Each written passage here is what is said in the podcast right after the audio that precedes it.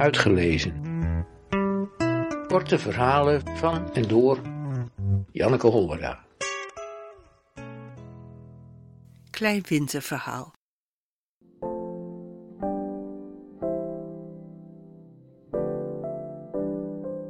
Het is 1978. De winter houdt ons land al weken in een ijskoude greep.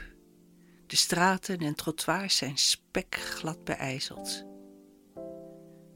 Oom Wim en tante Liesel worden door de kleine supermarkt in de wijk bevoorraad. Maar het hondje moet zijn rondje.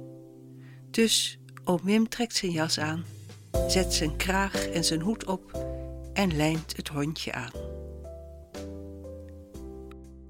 Oom Wim, zo zachtaardig en zorgzaam als een meisje. Oom Wim, oud, grijs, stram en broos. Oom Wim, al meer dan veertig jaar getrouwd met Liesel. Kom Siep, we gaan.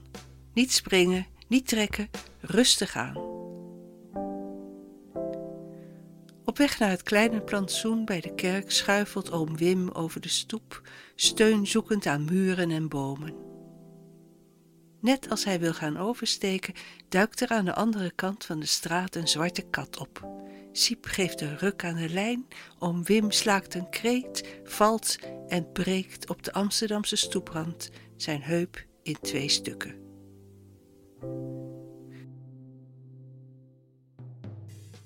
Een ambulance brengt hem naar het ziekenhuis. Buurtbewoners brengen Siep naar Liesel. Twee dagen later, oom Wims heup is met schroeven aan elkaar gezet, legt de verpleegster een brief op zijn kastje. Post. L staat er op de achterkant van de envelop. Van mijn vrouw, zegt oom Wim. Hij glundert. Met een mes snijdt hij de envelop open. Er zit één velletje in. Zijn Liesel is niet zo'n schrijfster.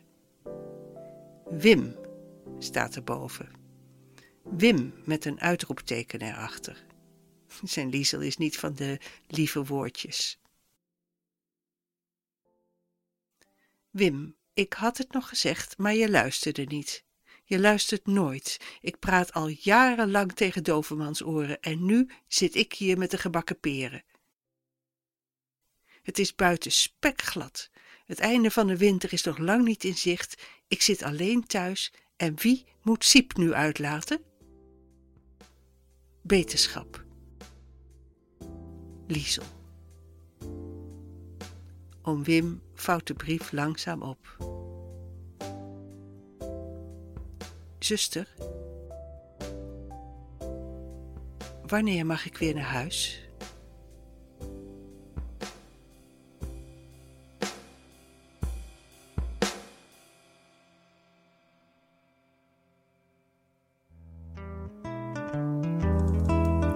Uitgelezen. Techniek Redwing Producties.